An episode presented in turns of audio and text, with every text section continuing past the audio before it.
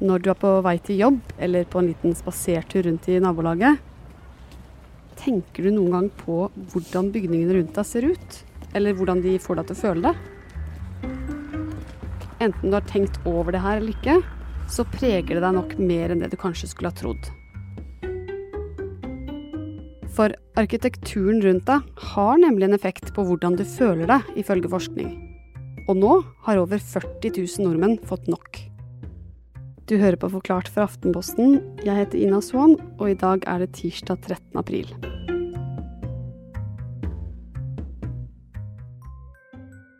De siste ukene har diskusjoner om arkitektur eksplodert i sosiale medier, særlig rett før påske og i påskeferien. Det her er Maria Petrem, og hun er journalist i Aftenposten. Og dette har skjedd gjennom en Instagram-konto som heter Arkitekturopprøret Norge. Og dette er en konto som poster før- og etterbilder av bygg rundt omkring i Oslo, og de nye byggene som har erstattet dem. Og under står det ting som 'vi lot dette bli til dette'. Og det de mener er at mange av de nye byggene som er bygget i Norge de siste 90 årene, eh, er rett og slett menneskefiendtlige og stygge. Og de vil ta tilbake den mer tradisjonelle arkitekturen som ble bygget på slutten av 1800-tallet. Um, og dette har fått masse oppmerksomhet. Alle de store mediene har skrevet om det. Og på bare ca. to uker har dette, denne Instagram-kontoen fått 40 000 følgere. Og mange av de eksemplene arkitekturopprøret kommer med, de eh, er i Oslo. Så det er det vi kommer til å forholde oss til i denne episoden. Men Maria, hvordan starta dette opprøret? Eh, dette opprøret startet egentlig på mange måter hos våre naboer i Sverige. Eh, for der ble det opprettet en gruppe allerede i 2014 som heter Arkitekturopprøret. Låt oss bygge vakkert igjen. Og dette er en gruppe hvor det postes daglige innlegg av eh, stygg og vakker arkitektur. Denne gruppen har 52 000 medlemmer. Eh, og det de mener, i likhet med den norske gruppa, er at det meste som er bygget de siste 90 årene, faktisk er stygt og firkantet og fargeløst, og de lengter tilbake til den mer tradisjonelle arkitekturen. Eh, men det er ikke bare i Sverige at dette oppgjøret har startet å finnes. Vi ser også at det finnes lignende Facebook-grupper i flere andre europeiske land, både i Danmark og i Storbritannia og i Frankrike og Tyskland. Og dette er faktisk ikke helt nytt i Norge heller. Her ble det oppretta en Facebook-gruppe i 2016. Um, eh, men det er liksom først nå med denne Instagram-kontoen at uh, denne bevegelsen virkelig har fått vind i seilene. Tidligere har det kanskje vært forbeholdt litt mer spesielt interesserte og folk fra arkitektstanden. Mens nå har det virkelig liksom nådd, eh, nådd, de brede lag da, av befolkningen. Det er virkelig nå folk først har fått øynene opp for at dette er en viktig debatt.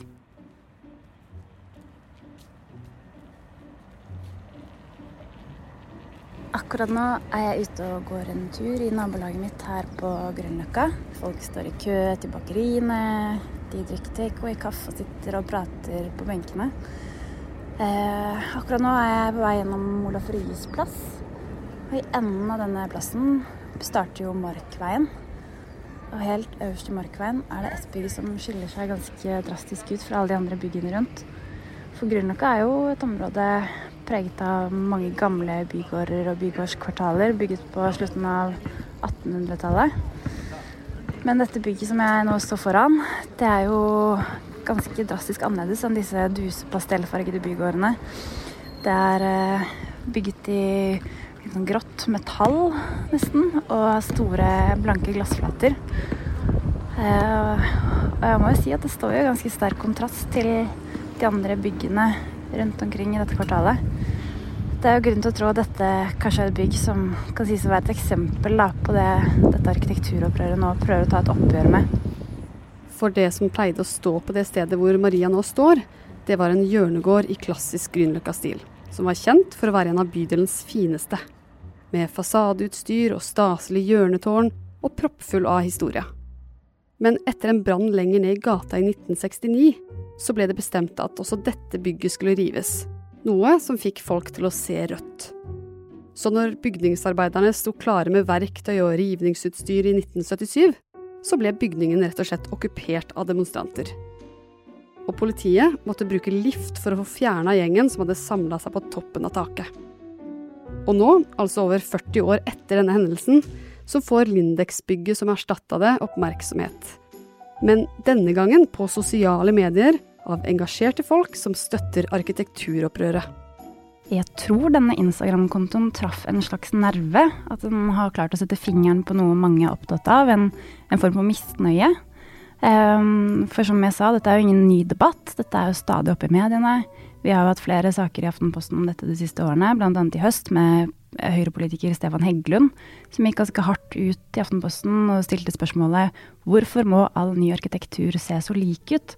Og mente at det var på tide å begynne å snakke om stygt og pent igjen i arkitekturen alt som, eller det meste av det nye som bygges i Norge i dag, for dette gjelder ikke bare noen steder i Norge, dette gjelder hele landet. Hvorfor ser det helt likt ut? Hvorfor er det så lite strøkstilpasset? Og hvorfor er det så stor avstand, virker det som, mellom hva folk foretrekker og det utbyggere faktisk ønsker å bygge? Og det er heller ikke lenge siden en dansk byutviklingsplanlegger var ute i Aftenposten og felte en lignende hard dom over Oslos byutvikling og mente at mye av det som bygges i dag er oppsiktsvekkende brutalt og lite sjenerøst. Og så finnes det faktisk forskning som støtter dette. In addition, we compare different parts of uh, the same street in Grünerløkka, and we find that the contemporary part scores lower than the traditional part. En studie utført av Norges miljø- og biovitenskapelige universitet viser at folk flest faktisk ikke trives med moderne arkitektur. We had some really interesting findings in this study. We found that uh, the visual appearance of contemporary architecture is evaluated less positively than that of traditional architecture. In other words, our participants preferred traditional architecture over contemporary. Og denne studien støttes også av forskning som viser at arkitektur som er asymmetrisk, har glatte overflater og uharmoniske fargekombinasjoner faktisk utløser stressresponser i hjernen. Og selv om det ikke er noe nytt at folk engasjerer seg for eh, byggene rundt oss, så kan man jo spekulere i om koronapandemien kanskje har gjort oss mer bevisste på det vi har rundt oss. Og det kan jo bidra til at folk har blitt mer bevisst på hvordan nabolaget og byen utvikler seg. Noen har kanskje gått tur i noen av de områdene i Oslo som er under utvikling akkurat nå. Og vi er liksom blitt tvunget til å løfte blikket og se litt mer på den byen vi faktisk bor og lever i hver dag. Og så er det jo litt sånn at bygg er jo ikke som musikk eller en bok. Du kan ikke bare bytte kanal eller skru av musikken eller legge fra deg boka. Bygg er liksom noe veldig fysisk som vi er nødt til å forholde oss til i flere tiår. Enten det er der vi bor, eller er der vi jobber, eller der vi leverer barna våre på skole, eller et sted vi bare går tur forbi hver eneste dag. Men hvis det er sånn at folk flest ikke trives i moderne arkitektur, hvorfor ser da norske byer ut som de gjør?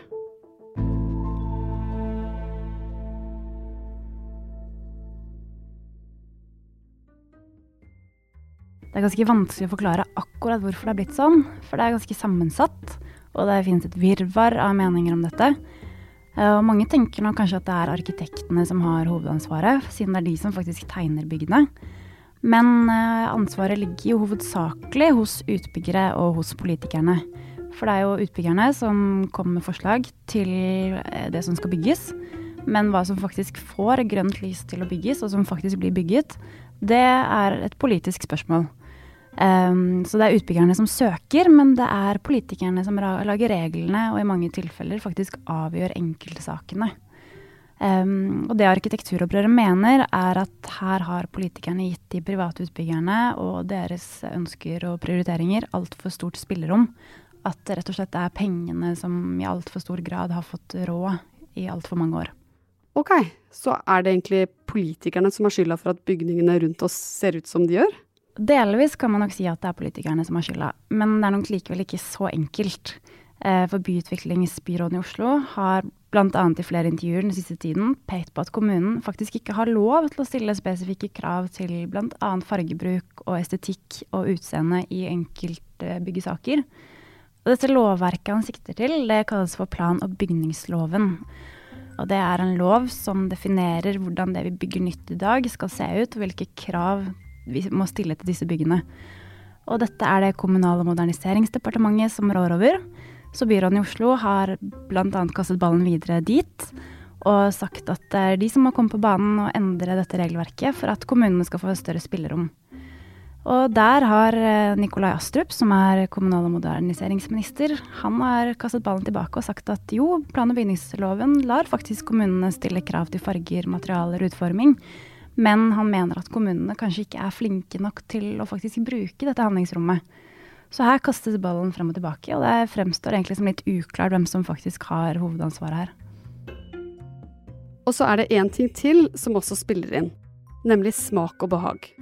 For hva som anses som god arkitektur, det er alltid i endring. Her er jo Grünerløkka i Oslo et ganske godt eksempel. I dag er jo dette en av våre hippeste bydeler i Oslo. Det er en av de dyreste områdene å kjøpe leilighet i. Eh, bygårdene her er jo malt i pastellfarger, de har fasadeutsmykninger, de har leiligheter som har rosetter i taket, det er høyt under taket, store vinduskarmer og store vinduer. Men Grünerløkka har ikke alltid blitt sett på som et vakkert område. Eh, I etterkrigstiden så mente man faktisk at Grünerløkka var ganske gammeldags. Det var trangt og stygt og dårlig. Og det ble faktisk foreslått å rive hele området. Eh, og dette ble jo heldigvis aldri noe av. Og i dag så brukes jo Grünerløkka som et eksempel ofte av dette arkitekturopprøret på et vellykket område som vi ønsker oss tilbake til i dag. Ja, så de mener rett og slett at vi skal bygge sånn som vi gjorde før? Ja, noen av dem mener det. Men uh, så enkelt er det ikke nødvendigvis. Uh, det er ikke gitt at det hadde vært mulig faktisk å bygge den type bygårdskvartaler som det vi har på Grünerløkka, Frogner og Bislett i dag. For i dag så stilles det helt andre krav til både dagslys og uterom. Eh, og det kunne gjort det vanskelig å bygge så tett som det vi ser på Grünerløkka i dag. Og samtidig så har jo fortetting vært et stort mål i byutviklingen i Oslo helt siden krigen, egentlig. Og det handler om at det skal bygges mange flere boliger på samme areal. Og da er det noen som mener at å bygge den type bygårder ikke ville vært bærekraftig i, når det er målet i byutviklingen. Og sammen med det voksne arkitekturopprøret så finnes det også en slags motbevegelse. Nemlig de som mener at det å bygge nytt ikke nødvendigvis er så dumt, og at å favorisere gammel bebyggelse rett og slett blir litt feil. Eh, noen har bl.a. kritisert gruppa for en ganske hard retorikk. De har også kritisert den for å redusere og polarisere en egentlig veldig viktig debatt. Um, andre har også kritisert dem for å egentlig avskrive nesten 100 år med byggekunst. Um, og har poengtert at det faktisk finnes en del moderne arkitektur rundt omkring i Norge i dag som folk faktisk er ganske glad i, og som fungerer godt. Annet Operaen i Oslo har jo funnet mange priser, og de fleste er vel ganske glad i Operaen. Um, så de mener at det er en forenkling å rett og slett redusere debatten til et spørsmål om stygt og pent, og mener at vi heller bør snakke om kvalitet og at eh, arkitektene faktisk bør få mer spillerom, og at markedet kanskje i dag bestemmer litt for mye hva som bygges av nye, bl.a. Bo, spesielt boligprosjekter. Da. Dessuten så viser undersøkelser at rundt 30% av oss faktisk liker modernistisk arkitektur. Så på mange måter så er dette snakk om smak og behag. Men det de to polene er enige om, det er at noe bør endres. Så hva er egentlig løsningen her?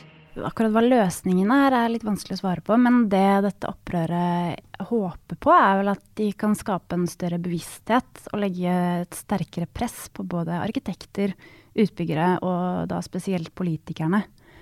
Uh, og selv om noen mener at det er vanskelig å bygge tradisjonelle kvartalstrukturer i dag, sånn som vi ser på bl.a. Grünerløkka, som vi har snakket om, så fins det faktisk eksempler på at det er blitt bygget uh, mer tradisjonell arkitektur de siste 30 årene. Blant annet så er det et helt kvartal i Stockholm som ble bygget på 90-tallet. Det var et av datidens uh, største boligprosjekter i Stockholm. Som faktisk ligner litt på det vi ser på Grünerløkka i dag. Det er bygget i ganske tradisjonell stil. Det er malt i rødt og grønt og blått. Eh, dette området heter Sankt Eriksområdet. Um, og i Norge har vi også noen eksempler. Blant annet så har vi et prisvinnende prosjekt i Fredrikstad som heter Nygårdsplassen. Som av flere også har blitt trukket frem som et godt eksempel på det motsatte. Som viser at det faktisk er mulig, hvis man vil, å bygge mer tradisjonelt i dag. I tråd med dagens lover og regler. Hmm. Og da ser det jo veldig lovende ut med så mange mennesker som velger å engasjere seg i det her. Er vi på vei til å få endring? Ja, det gjenstår jo å se. Men det kan jo tenkes at alt dette fokuset vil bidra til å legge mer press på både utbyggere og politikere. Og dette oppgjøret har jo kalt dette for et demokratisk problem. At folk føler seg ikke hørt. Så det kan jo tenkes at folk nå i større grad vil kreve å bli hørt når det skal bygges nytt rundt omkring både i Oslo og i resten av Norge. Og at uh, politikerne i større grad vil ta grep. Um, men det som er sikkert, er i hvert fall at dette engasjementet bare vokser og vokser for hver dag. Så her har man virkelig truffet en nerve som det nå vil være vanskelig å gå tilbake fra.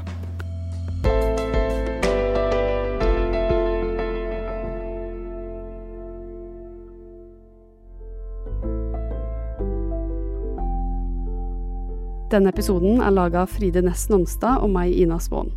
Resten av Forklart er Anne Lindholm, Marit Eriksdatter Gjelland, David Bekoni og Karoline Fossland. Du har hørt lyd fra NRK og NMBU.